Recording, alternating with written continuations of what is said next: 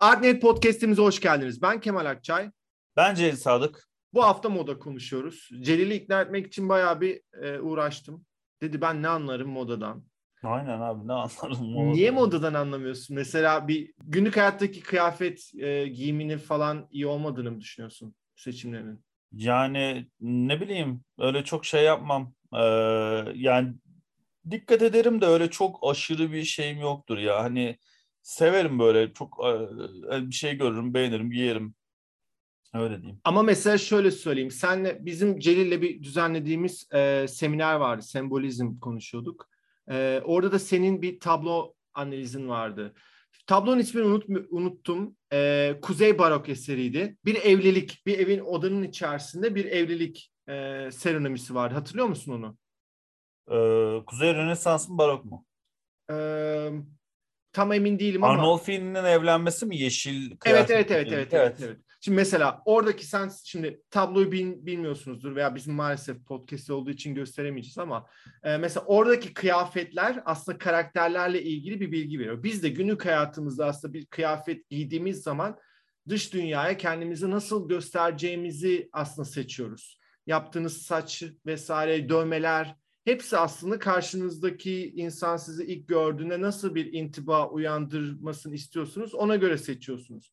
Filmlerde de bu şekilde oluyor. Muhtemelen tablolarda da. Çünkü oradaki insan mesela o senin e, analiz ettiğin tabloya dönersek orada adam yeşili kullanmış. Mutlak yani orada mavi de kullanabilirdi, kırmızı da kullanabilirdi, kahve ama özellikle yeşil seçmiş. Ve bunun mutlaka bir sebebi var. Çünkü bütün o e, neredeyse bütün sanat eserleri bir tasarımdan oluşuyor ve o tasarımı yaparken de e, ister istemez o biçimi içerik ilişkisini dikkate alıyorsun yani ben benim derdim ne ve bu dert bu adam bu hangi renk palto giyerse bu dertle en iyi e, en iyi eşleşiri düşünüyorsun. Bir örnek verip sonra yine sana atacağım pası. Leon filmi. Yeni sayfamda bunun analizini yaptım. Şimdi Leon'un karakterine baktığımız zaman bir sürü e, film içerisindeki eylemi var. Mesela süt içiyor. Bunu zaten daha önce de konuşmuştuk. Çocuk aslında bir şey e, bir tetikçi olmasına rağmen o süt onun çocuksuluğuna yapılan bir gönderme. Hala büyüyememiş. Veya masumiyetine yapılan bir gönderme. Ama onun dışında kıyafetine baktığımızda da mesela ne hatırlıyoruz? Yazın, Leon filmi aslında yazın geçiyor ama adam devamlı palto giyiyor. Mesela her şeye hazırlıklı. Her an ve gitmeye hazırlıklı. Veya işte yine bir bere takıyor. Ve kıyafeti çok uyumsuz. Çünkü toplumla bir uyumsuzluğu var. O toplumla olan uyumsuzluğu kıyafetine de yansıtaraktan seçiyorlar. Hangi filmi aklınıza getirirseniz getirin. No Country for Old Men'deki Anton Chigurh karakterinin aslında 1980'lerde film geçmişine rağmen 70'lere ait bir saçı yapıyor olması. Çünkü No Country for Old Men, ihtiyarlara yer yok. Bir jenerasyon, o uyumsuzluk, o döneme ait olamama durumu var. O yüzden de oradaki karakteri de geçmiş jenerasyonları, geçmiş yıllara ait bir moda e, seçimiyle filmde sunuyorlar. O yüzden sanat eserlerinde bu kıyafet çok ilgili. Biz şeyden bahsetmiyoruz. Yani senin de benim de zaten o konuyla ilgili bir şeyimiz yok. E, ama şeyi biliyoruz. Altın oranı biliyoruz, estetiği biliyoruz, bir tişörtün veya bir kotun hangi boyda olması gerektiğini veya hangi renk giyersen seni zayıf gösterir, şişman gösterir, çizgiler bize nasıl algı yaratır vesaire bunlar hakkında aslında bir bilgimiz var. O yüzden bence konuşabiliriz moda ile ilgili Celil. Ee, yani evet. Sen mesela özellikle hangi kıyafetleri seçiyorsun? Kendini nasıl ifade ediyorsun? Mesela şeyi görüyorum seminerlerde. Rammstein tişörtü giyiyorsun. Geçen Pink Floyd tişörtü giymiştin vesaire. Mesela neden giyiyorsun bunları? Ee, yani seviyorum. tamam Rammstein'ı, Pink Floyd'u seviyorum. Siyahın bana yakıştığını düşünüyorum. O yüzden daha çok siyah giyiniyorum. Neden? Zayıf ee, gösteriyor seni? Yani hem zayıf gösteriyor hem ne bileyim renkli giyinmenin bana çok yakışmadığını düşünüyorum. Neden? Zaten hani e, biraz böyle renkliyim. Hani beyaz tenliyim biraz işte e, Kırmızısın ya bak şu anda da yine kırmızısın. Evet. Niye böyle yüzüm kırmızıyım? Kırmızı Saçım sarı gibi, sakalım kızıl. Yani o yüzden e, siyahın yakıştığını düşünüyorum. E, ya hani böyle siyah daha çok ağırlıklı tercih ediyorum. Onun dışında hani Giyersem beyaz tişört falan giyiyorum ama yine bir noktada siyah oluyor mutlaka üstümde. Ee, yani öyle çok şey değil ya. Hani biraz herhalde o tarz müzik sevdiğim için, daha siyahın bana yakıştığını düşündüğüm için. Özellikle mesela bir yere çıkarken, sahneye çıkarken siyah giymeyi tercih ediyorum. Bunun şeyle de alakası yok. Hani sahnede iyi durduğunu düşünüyorum. Çünkü orada önemli olanın e, benim kılığım, kıyafetim ya da benim e, olmadığımı göstermeye de çalışıyorum. Yani hani e, sonuçta mesela konteynerde hatırlarsın simsiyah giyerdim, perde de siyah ve neredeyse kayboluyordum. Yani sadece mikrofondan sesim duyuluyordu ki hani önemli olan benim anlattığım resimler ve slayta yansıyan resimlerdi. O yüzden hep siyah gömlek, siyah pantolon ya da siyah tişört, siyah pantolon. Ee, böyle renkli çoraplar alırım. Bir tek hani öyle çoraplarda bir renk seviyorum. Onun dışında da öyle çok e, renkli giyinmeyi falan sevmem. Hatta böyle Eşan daha çok şunu al bak bu sana yakışıyor falan filan gibi. Hani o böyle şeyler yardımcı oluyor yani bana e, bu konularda. Onun dışında yani dolabı bey açıyorsun benim simsiyah abi. Bazen şey oluyor odada az ışık oluyor ne var göremiyorsun. ee, öyle bir durumum var yani. Düşünsene ee, onun... sahneye çıkıyorsun ve kırmızı tişört giymişsin. Kırmızı ha, yani onun gibi ya yani, da işte yeşil pantolon falan. Yani bilmiyorum hani çok mesela çok renkli ve çok iyi giyinebilen, çok iyi kombinler yapabilen arkadaşlarım var. Böyle bakıyorsun o bir de yakışıyor onlara. Hani ben giysem sanki ulan hani o öyle durmazmış gibi. Ee, bir de şey abi ikimiz de kalıplı adamlarız. Bir de zaten dikkat çekiyoruz. Bir de üstüne o öyle bir şeyler giydiğin zaman ekstra böyle dikkat çekiyormuşum gibi geliyor. Ben e, gözden çok hoşlanmam. Yani direkt olarak çok incelenmesinden, bakılmasından çok hoşlanmıyorum. Ya birisi bana biraz baktığı zaman şey diyorsun ya ulan burnunda bir şey mi var gözünde bir şey mi var hani sümük mü var diyorsun hani niye bana bu kadar bakıyorlar diyorsun anladın mı? ben böyleyim yani. Hani tişörtüme bakıyor birisi bir şey mi var diyorum tişörtümde hani bir şey mi dökülmüş. Hani e, genelde hemen öyle bir tribe girdiğim için e, şey yapmıyorum. Başta genelde. başta nazlandın böyle ya işte sadece siyah giyiyorum gibi ama bayağı da e, şeyine çocukluğuna indik yani neden siyah giydiğinle alakalı. Demek ki şey istemiyorsun, ilgiyi istemiyorsun, arka planda kalmayı seviyorsun. Biraz önce kırmızıdan bahsettim. Kırmızı renk e, örneğini vermemin sebebi kırmızı e, bizim algılarımızı en çok e, çalıştıran renklerden bir tanesi. Sizin yani kırmızı bir resimde veya bir o baktığınız yerde kırmızı renk varsa ister istemez diğer renkleri e, ignore edip yok sayıp o renge doğru bakma eğiliminde oluyorsunuz. Hı hı. E şimdi siz o kıyafeti giydiğinizde senin söylediğin gibi sahnede insanlar aslında senin söylediklerinden hatta senin bedeninden çok o giydiğin kırmızı tişörte veya neyse artık ona odaklanıyor. Bunu da istemiyoruz ama sanat eserlerinde tabii ki bu önemli. Eğer bir tabii, yönetmen veya bir işte ressam e, özellikle belirli bir noktaya bakmamızı istiyorsa bu kontrastı kullanıyor.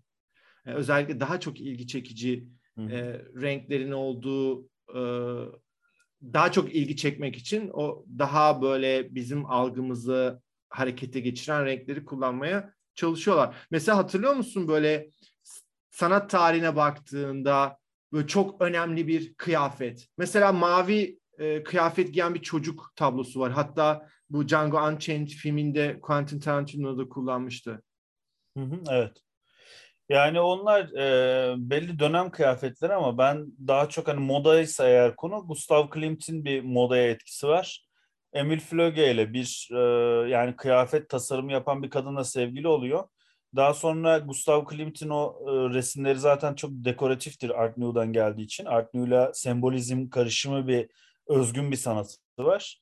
Ve e, Emil Flöge ile sevgili olduktan sonra mesela Klimt'in Kiss tablosunu gözünüzün önüne getirin. Herkes bilir zaten ya da Klimt ve moda yazın. Bir araştırın bakın. E, öyle makaleler var. E, ben Gustav Klimt ile ilgili seminer verirken araştırmıştım. Hatta onları slayta eklemiştim. 2003 yılında ve 2008 yılında çok büyük markalar. Mesela Dior'un falan e, Paris şeyinde e, nasıl ne derler podyumunda ya da işte o şeyinde moda sergisinde bayağı mankenlerin üzerine Gustav Klimt kıyafetleri giydirildi ve Klimt şeyi yapıldı. E, bunların hepsi aslında Emil Flöge ile Gustav Klimt'in bir dönem işbirliği yapması. Gustav Klimt'in resimlerindeki dekor dekor e, yani o dekorasyon o bezemeleri alıyorlar. e, kadın bunları kıyafetlere dikiyordu ve bunları kendi üstlerine giyiyorlardı. Daha sonra bunlar öyle bir tuttu ki Klimt'in resimleri de o dönemde moda olduğu için Emil Flöge ve Gustav Klimt hem resim yapıp satıyorlardı hem de resimlerin içi, içerisinde figürlerin üstünde gördüğümüz kıyafetleri Emil Flöge dikip satıyordu ve buradan da ayrıca bir kar sağlıyorlardı. Ee, mesela aklıma moda deyince en bariz o gelir. Ama tabii ki de dönem kıyafetleri var, dönem moda anlayışları var. Genelde hep kapalı, işte işte Rococo'nun çok gösterişli, etekleri kocaman, işte böyle korseler, beli öyle bir sıkıyor ki bel yokmuş gibi duruyor. Yani özellikle kalça ve göğüs bölgesini kadında biraz daha belirginleştirip beli inceltmek için. Neden işte biraz daha zarif aynı zamanda doğurgan. Hani ikisini bir arada görelim diye. Zaman zaman yani böyle hem kıyafet modası var, e, resim sanatının içinde başka hani böyle Gustav Klimt gibi direkt etki etmiş var mı bilmiyorum ama şu anda günümüz modasına yansıyanlar hep dekorasyona çok yakın ya da dekoratif e, sanatı ön plana çıkaran resimler oluyor. Mesela izlenimcilerin ilk resimleri için, Monet'in resimleri için Louis Leroy şey diyor işte bunların resimlerinin duvar kağıtlarından fa- farkı yok diyor eleştirmek için. Ama bir e, tık sonrasında, bir level sonrasında Van Gogh gelip e, izlenimciliği alıp başka bir seviyeye taşıyor. Çok daha dekoratif, çok daha baskın renkleri olan bir resim e, modeli ortaya çıkarıyor. Mesela biz bugün bunu moda olarak kullanıyoruz. Van Gogh'un e, yaptığı resimleri işte iç çamaşırına kadar basıyoruz. Keza yine fovizm ondan sonra moda oluyor. Mesela kırmızı vesaire dedin ya çok baskın renkler fovizmde.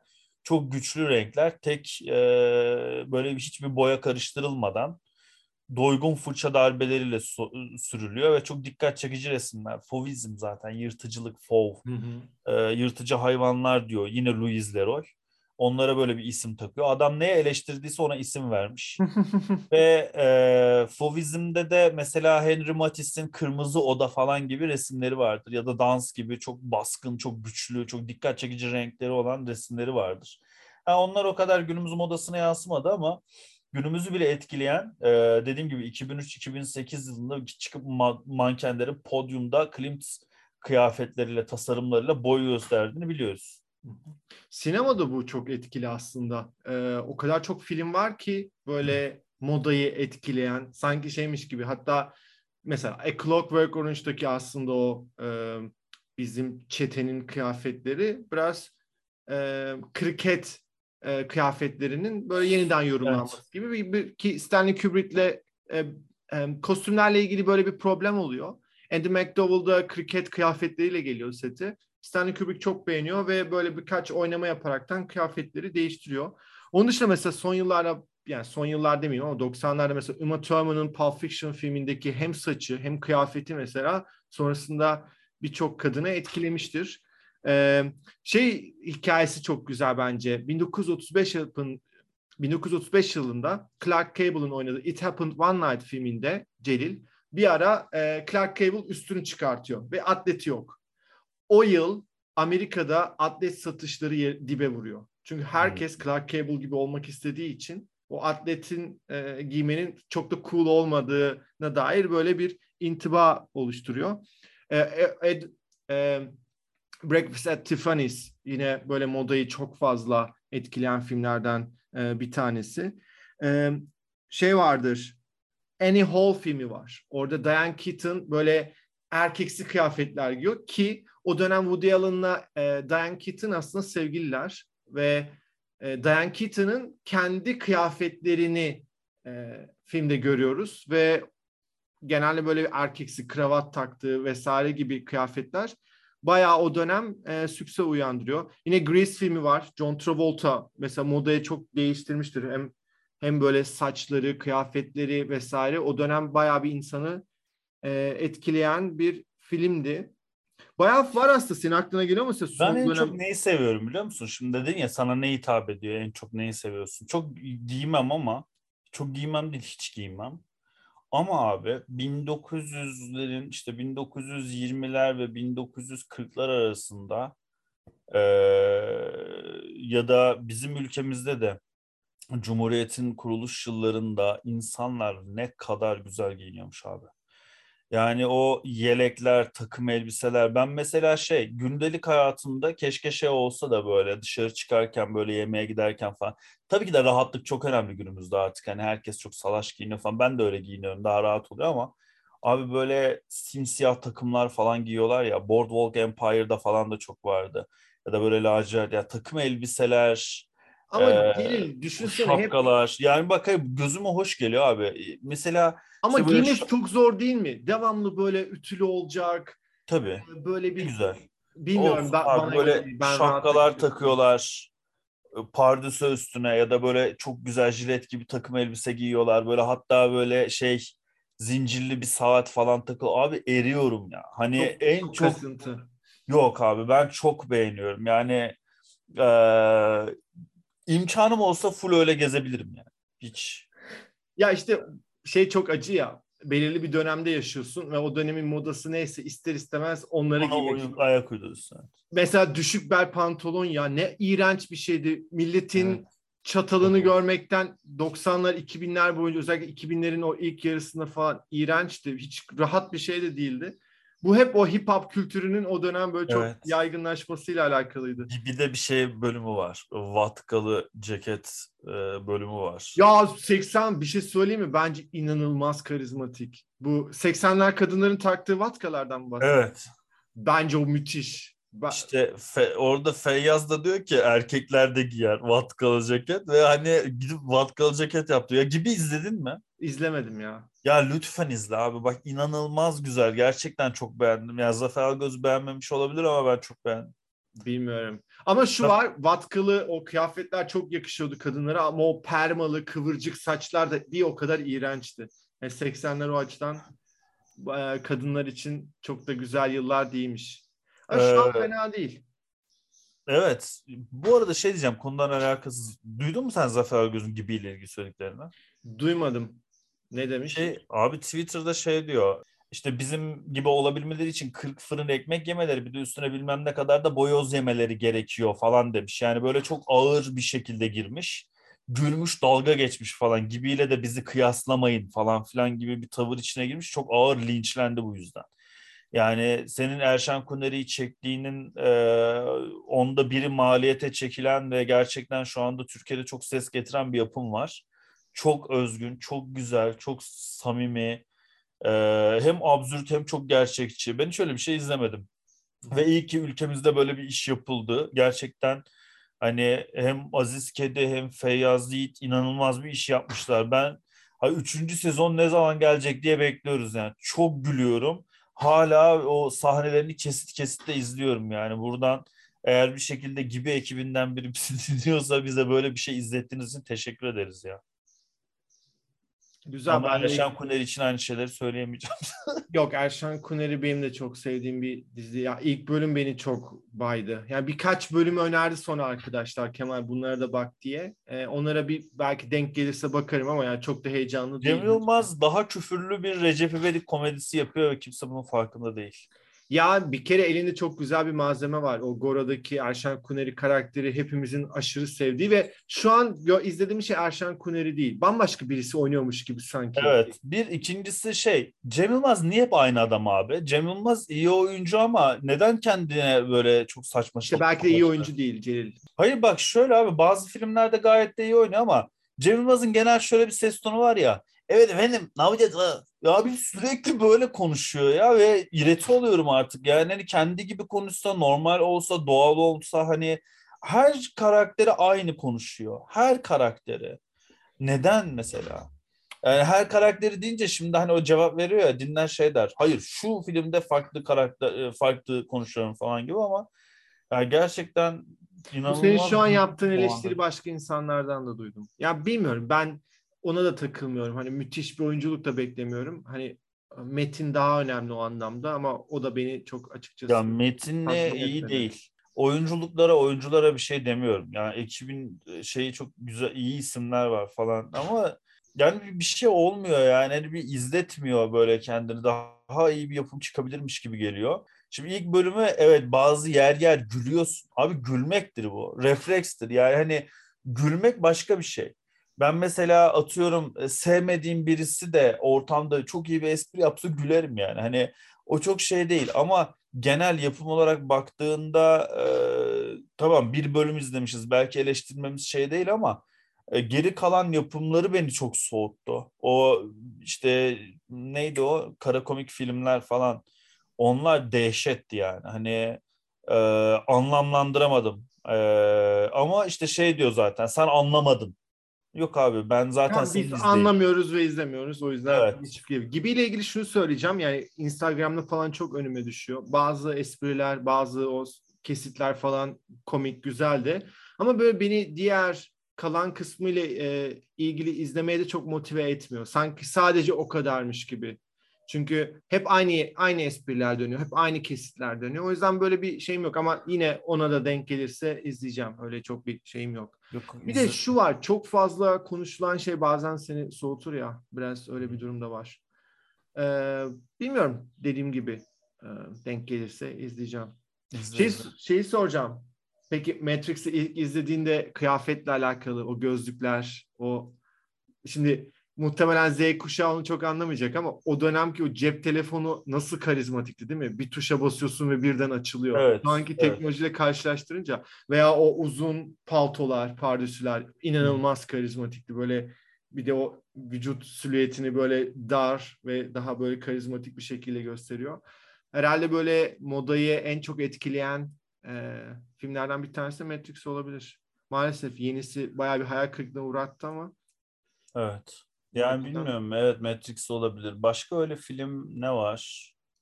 Daha çok sen bilirsin. Şu anda ben işte dikkat etmediğimi fark ettim bu kadar. Senin için kıyafetler mesela A Clockwork Orange'daki kıyafetler ilginç geliyordur sana. Ya tabii canım bana da geliyor.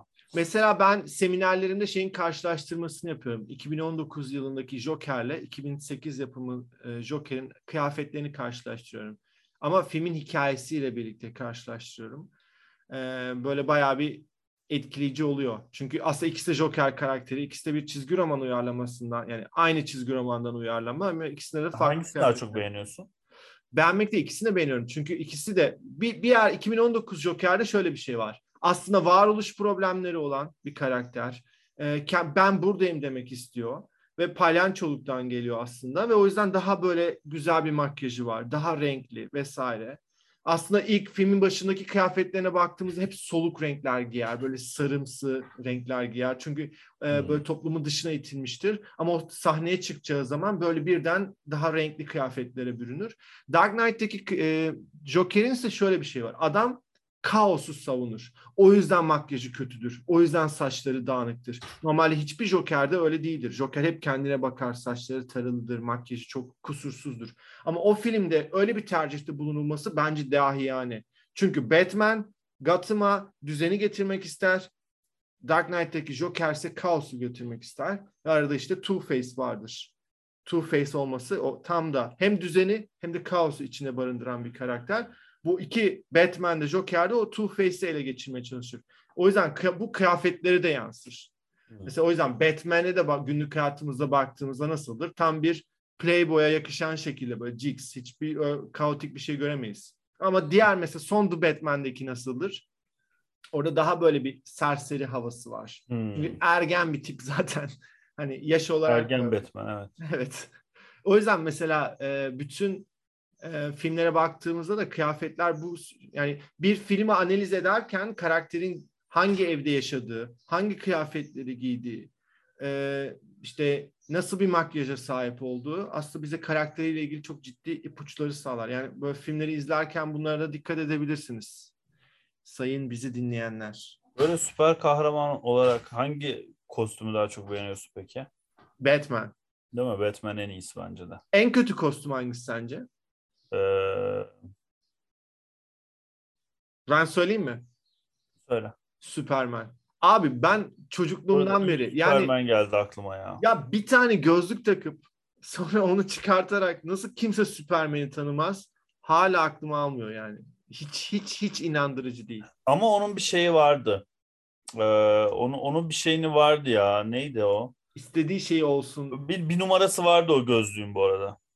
Bilmiyorum. Spider-Man'i severim. Spider-Man iyidir. Iron Man iyidir.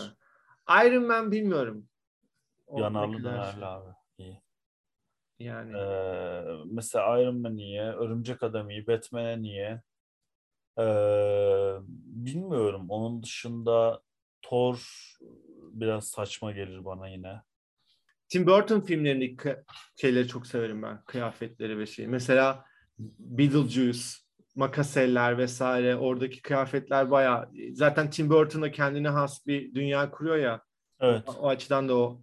İşte bu tarz stilistik yönetmenlerin e, filmlerinde bu kıyafet çok daha ön plana girebiliyor. Yine bir ipucu vereyim filmi izlerken böyle daha şey mesela siyahlar ve beyazlar çok kritik. Mesela iyilik ve kötülük anlamında karakterin o iç doğasını. Black Swan filminde mesela bu Kara Kuğu filmindeki hmm. o kıyaf şey karakterin kıyafetlerinin değişimini e, baktığınızda mesela e, karakterin odasına bakın böyle pembelerin çok fazla olduğu filmin başında çok fazla beyaz giydiğini görürüz karakterin. Hmm. Sonra yavaş yavaş griler e, ele geçirir mesela. Çünkü birden siyah olmaz ya o bir dönüşümü vardır. Gri kıyafetler giymeye başlar filmimizin ana kahramanı Natalie Portman'ın oynadığı karakter. En sona filmin sonunda ise kara kuğuya dönüşür. Zaten adı üstünde ve genelde giydiği kıyafetlerde siyahtır. Onun işte Mila Kunis'in oynadığı karakter de zaten hep siyah giyer. Çünkü o, onun biraz daha idini temsil eder. Karanlık tarafını temsil eder. O yüzden de siyah giyer. Ee, yine mesela Thomas karakteri vardır. Thomas e, twin demek, ikiz demek. O, o ise bütün odasında siyahlar ve beyazlar aynı anda vardır. O da karakterin egosunu sembolize eder. O yüzden böyle e, kıyafet renk sadece kıyafetin renklerine bakarak bile şey yapabilirsiniz. Mesela diyelim ki bir karakteriniz var ve gömleğinin bir düğmesi açık veya kapalı. Bu bile aslında onun ne kadar özgürlükçü veya işte daha serbest hareket eden veya tam tersi. Her bütün düğmeler ilikliyse daha böyle otoriteye saygı duyan veya daha resmi bir karakteri olduğunu çıkartabilirsiniz. Bunlar aslında hayattan beslenen şeyler. Siz kendiniz hayatınızda da giydiğiniz kıyafetler üzerinden aslında işte bunları anlatıyorsunuz karşınızdaki insana. Çok klişe bir şey vardır. Kadının saçını e, işte tokasını çıkarttığında özgürleşmesi veya tam tersi daha böyle resmi, muhafazakar olduğu dönemlerde e, saçını bağlıyor olması gibi şeyler. Bu tarz detaylar e, filmler için kritik. Almodovar yani. yine bayağı ne? E, Pedro Almodovar yine kıyafetleri hmm. çok başarılı bir şekilde. Rengarenktir ama o bütün o renklerin aslında bir anlamı vardır. Peki bu Clint'in e, şey tablosu var ya aşk mıydı? Kiss. Öpücük. Heh, öpücük pardon. E, Clint'in Kiss tablosundaki mesela hani o renklere baktığımızda e, onun hikayesini geçmiş podcastlerde anlatmıştın zaten. Evet. Sadece kıyafet anlamında baktığımızda o iç içe geçmek ve renklerin kullanımı hakkında mesela çok kısa ne söyleyebilirsin? Ya şöyle zaten e, babasının e, mesleği üzerine babası altın işlemesi yapıyor. E, altını orada öğrenip daha sonra Bizans mozaiklerinde görünce çok gösterişli olacağını düşündüğü için bu e, doğrudan resmin üzerine altın damlatmaya başlıyor. Ki Kiste de bunu görüyoruz. Bir üstüne çok yoğun bir sarı kullanıyor. Ama kadınla erkeğin kıyafetleri birbirinden ayrılıyor. ee, ne kadar da böyle aslında bir battaniyeye sarılmış gibi gözükseler de ya da bir derler ki bir organizma gibi hani ikisi bütünleşiyor gibi. Ama ikisinin üstündeki desenler farklıdır. Bu desenler aslında Art Nou'dan esinlendiği desenler. Yani yeni sanat diye bir akım var. Daha çok böyle arabeskler, şakayıklar, uzun kıvrımlı hatlar, Art Nouveau nedir? En çok nerede sergilenir? Afişlerde, tiyatro afişlerinde, işte e, ya da herhangi bir etkinliğin afişi için tasarlanan, e, Alfonso Muşa'nın falan yapmış olduğu tasarımların e, Klim tarafından farklılaştırılmış versiyonudur. Ve işte mesela orada erkeğin üzerinde kar şey dikdörtgen böyle uzun uzun e, bezemeler, bezekler görürken kadında yuvarlak bezekler görür. İşte erkeğin erkekliğini temsil eder o dikdörtgen uzun e, desenler. Kadında da kadının cinsel organını temsil eden yuvarlak bezekler vardır. Bunlar ikisi birbirinden ayrılır. Yani ilginç bir kıyafet tasarımı var diyebiliriz. Şey, e, Mona Lisa'ya ne diyorsun peki? Mona Lisa'nın kıyafetinde böyle bir öne çıkan bir şey var mı? Yani aslında çok yok. O dönemin kıyafetleri sadece başında bir tül var. Onun da o dönemde bir kızı öldüğü düşünülüyor. Ee, yani bu sadece bir teori. O yüzden yas tutan da bir kadın olduğu düşünülüyor. Ee, hatta kadını güldürmeye çalışıyor Da Vinci diye anlatırım hep. Kadın e, neşeli biri çünkü soy ismi neşeli bir anlamına geliyor. Ama kadın çok somurtuyor. Kadın somurttuğu için de e, kadına şaka işte şakalar yapıyor, jonglör tutuyor, bir sürü böyle sevimlilik yapıyor kadın gülsün diye ama kadın güldüremiyor. O yüzden de yüzüne bir eritme tekniği uygulayıp dudaklarının kenarını ve göz kenarlarını belir, belirgin olmayan böyle belirsiz bir hale getirerek gülüyor mu gülmüyor mu anlaşılmamasını sağlıyor. Ee, yani hani orada kadının biraz hikayesi netlik kazandıktan sonra anlayabileceğimiz bir şey o. Şey, e, geçen de yine Mona Lisa tekrardan bir olayla e, gündeme geldi. Sunuldu, gündeme geldi. Ne düşünüyorsun onunla ilgili? Hatırlatalım ya, bir tane adam e, yaşlı bir kadın kılığına giriyor galiba tekerlekli sandalyede ve e, Mona Lisa'ya bir pasta fırlatıyor. Ama tabii ki Mona Lisa'nın önünde zaten böyle bir cam, cam koruna evet, olduğu için hiçbir etkisi yani tabloya herhangi bir etkisi olmuyor. Ama tabii ki bayağı bir gündem oluyor. Ne düşünüyorsun? Bana bir sürü insan abi tabloyu mahvetmişler falan de yazdı. Ben de şey herkes o gün cam var önünde cam. Sürekli aynı şey sürekli aynı şey yazdım. Bir de şey birisi siliyor ya camı. tabloyu siliyor zannetmişler. Abi böyle silmek ne kadar doğru falan diye bana yazanlar oldu.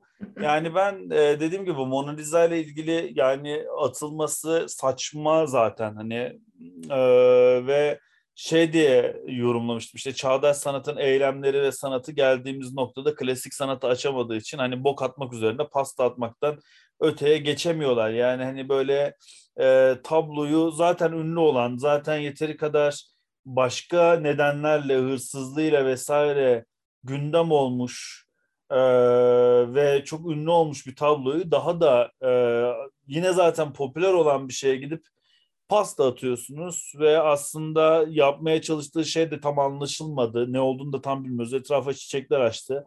E, dikkat çekmeye çalışıyor. Ünlü olmaya çalışıyor belli ki. Yani çok da önemli bir şey değil. Hatta o gün de yazmıştım. Üstünde konuşmaya bile gerek yok yani.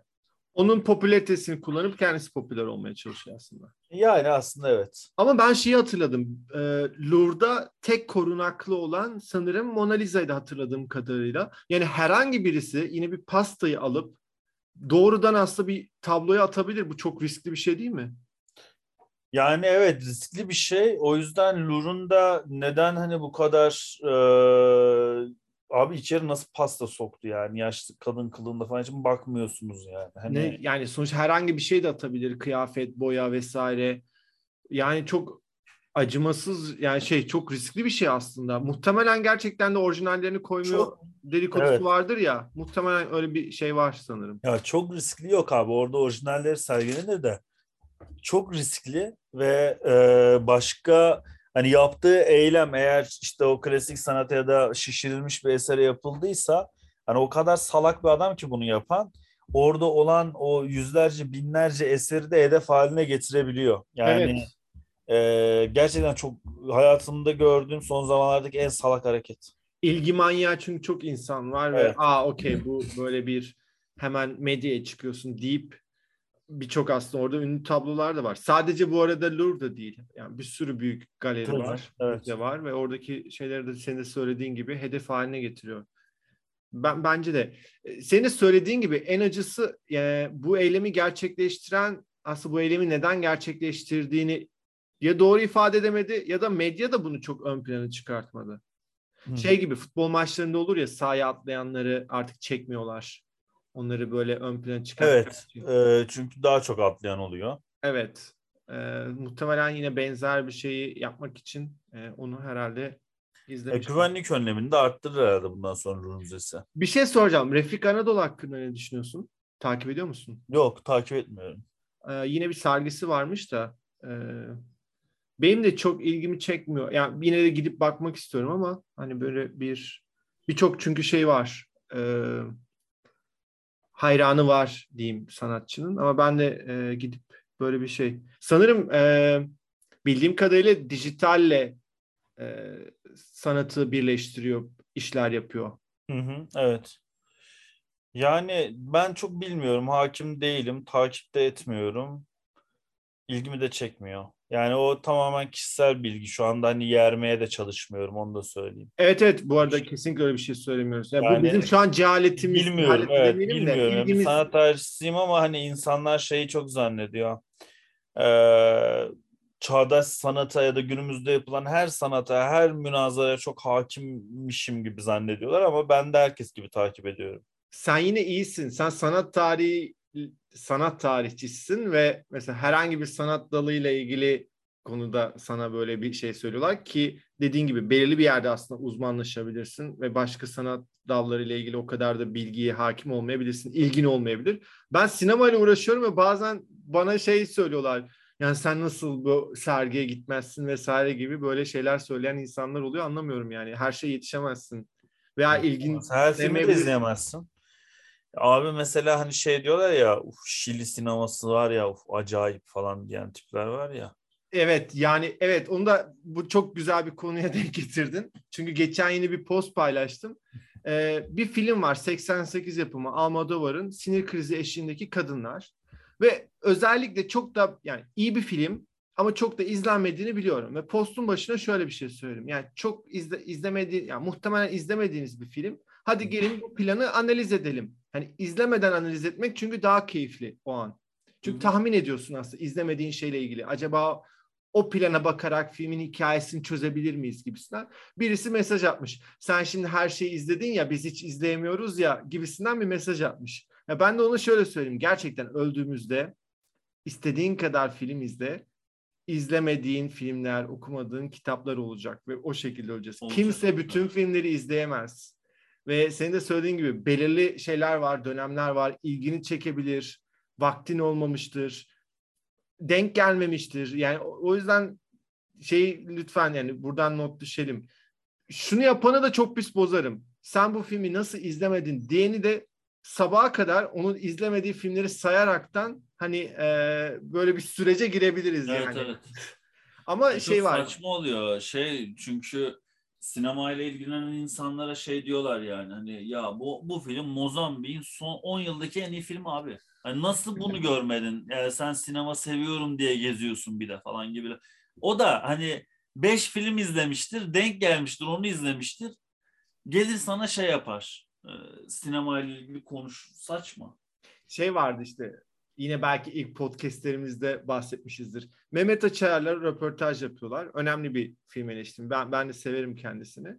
Ee, soruyorlar yılda kaç film izliyorsun? Adam diyor ki 300. Ve ben bunu ilk dinlediğimde oha demiştim ya 300 film izleyemez. Röportajı kad- yapan kadın şey demişti az değil mi? adam da şey demişti hani kadını bozmamak için ben kitap da okuyorum falan demişti. Yani 300 film... Arada yemek de yiyorum. yani yiyorum falan. arada yaşıyorum. şey gibi düşünüyor insan. Şimdi bazen biz film analizi yaptığımız zaman e, ya 3-4 günüm ben sadece bir filmle ilgili araştırarak o filmi defalarca tekrar tekrar izleyerekten çalışıyorum.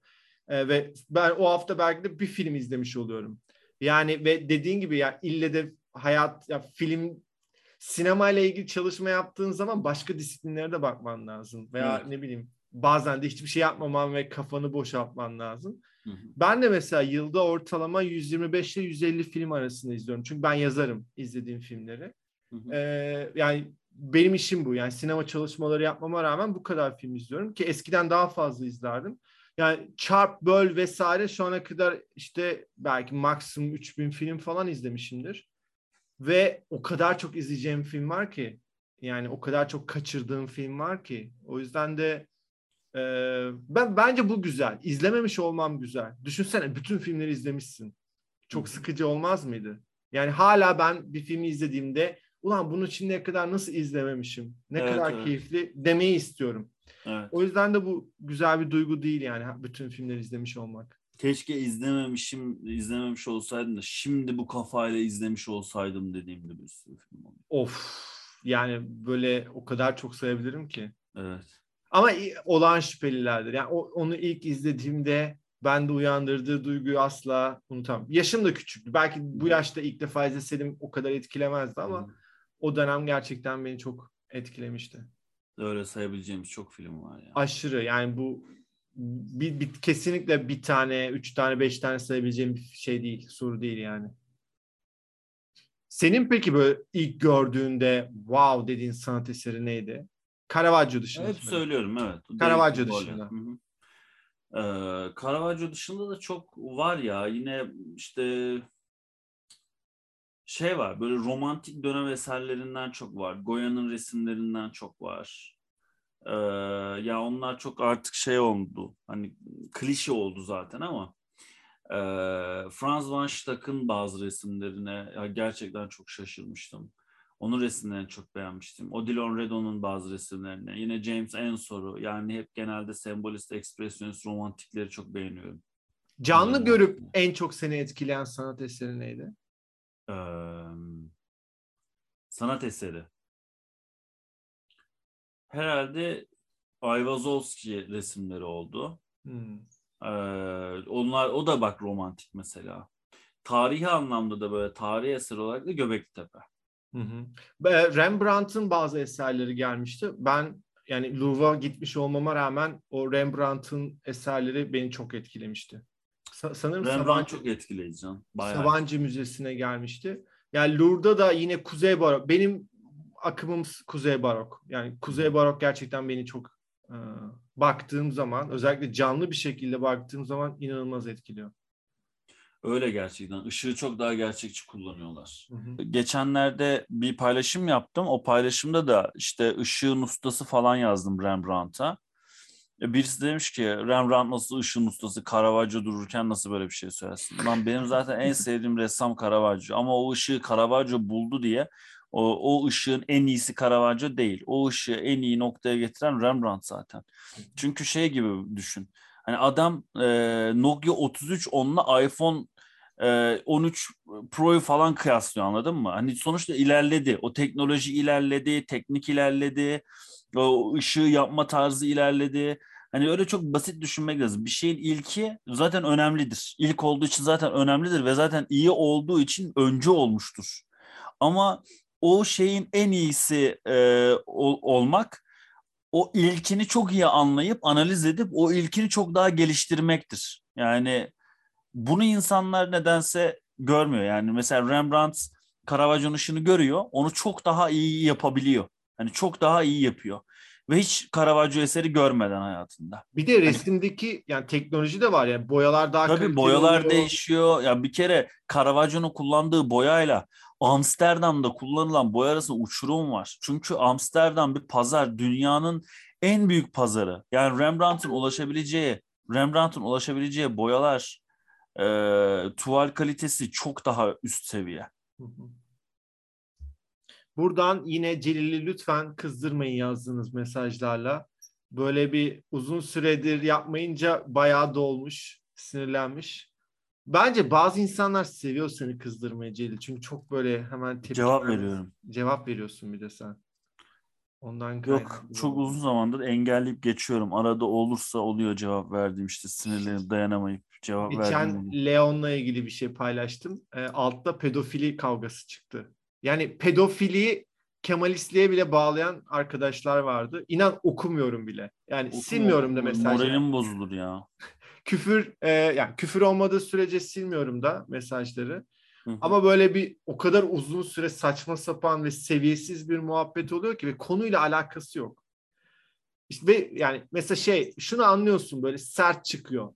Bu film pedofili ya gibi. Yani mesela şey söyleyebilirsin. Aynı düşünce bende de var. Evet gerçekten pedofilik unsurlar olduğunu hatta yine bu podcast'te de belirtmiştim. Ama şu şekilde söylememek lazım yağ, yağla başlayan böyle çok fevri çıkışlar yapmamak lazım. Arkadaşım ben bu filmle ilgili böyle böyle düşünüyorum deyip çok ya, seviyeli bir, bir şekilde de, açıklayabilirsin görüşünü.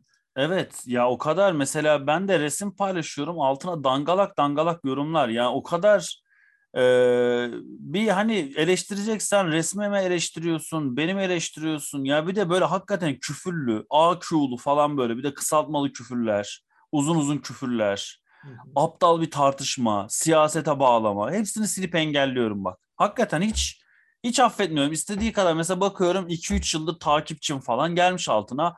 Vay bilmem ne yaptığımın ressamı ya demiş. Övecek ya küfür ediyor. Ya niye küfür ediyorsun ki şu anda? Orası bir sanat sayfası. Sonra da bana ne dedi biliyor musun bir engel? Sen faşistsin dedi.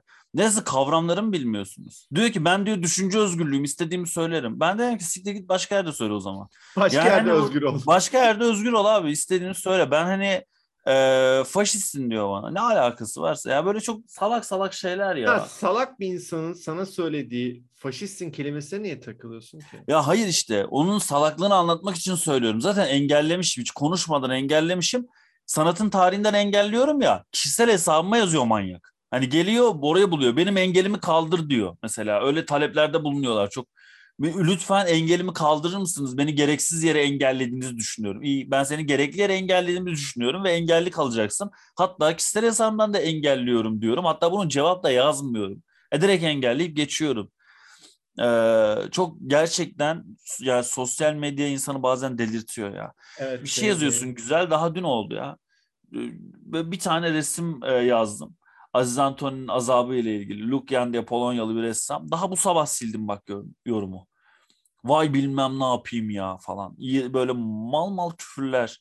Hani ne alakası var? Ee, öveceksen düzgün öv, ressamı düzgün öv. Bir şey yaz. Oraya çoluk çocuk geliyor okuyor. Hani e, genç kardeşlerimiz geliyor okuyor. Bundan rahatsız olabilecek e, insanlar okuyor. Belli bir yaşı geçmiş, çok kaliteli, çok düzgün insanlar okuyor. E, yani hiç kimsenin orada gö- görüntüsünü, gözünü kirletmene gerek yok ki. Git kendi dünyanda evinde söyle bunu ya. Evinde söyle. Vay de ya hani küfürüne et orada. Onu ben de ederim, sen de edersin. Çok beğeniriz, ederiz. Ama oraya yazarken de işte ne bileyim harika bir esermiş, bugüne kadar görmedim falan. Ya da ne iyi bir ressammış yazabilirsin. Bunu yazabilecekken niye küfür yazıyorsun? Sonra engellenince engellenme oluyor. Her neyse yine seni sinirlendirip e, programı kapatıyoruz Celil ya. Evet. Bir, bunu başardıktan sonra bir rahatlıyorum. Oh diyorum tamam artık bölümü Ha, sinirlendi tamam diyorsun. Abi çok kolay beni sinirlendirmek. Direkt sanatın İşte- tane gelen şöyle şöyle bir şeyler de O hemen. yüzden başta konuyu açmıyorum. Böyle tam kapatacağımız zaman açıyorum ki böyle cuk diye oturuyor. O Teşekkürler zaman beni sinirlendirdiğin için. rica ederim. Ne, ne zaman istersen Celil'cim. Bir sonraki hafta görüşmek üzere o zaman. Görüşürüz. Hoşçakalın. Hoşça kal.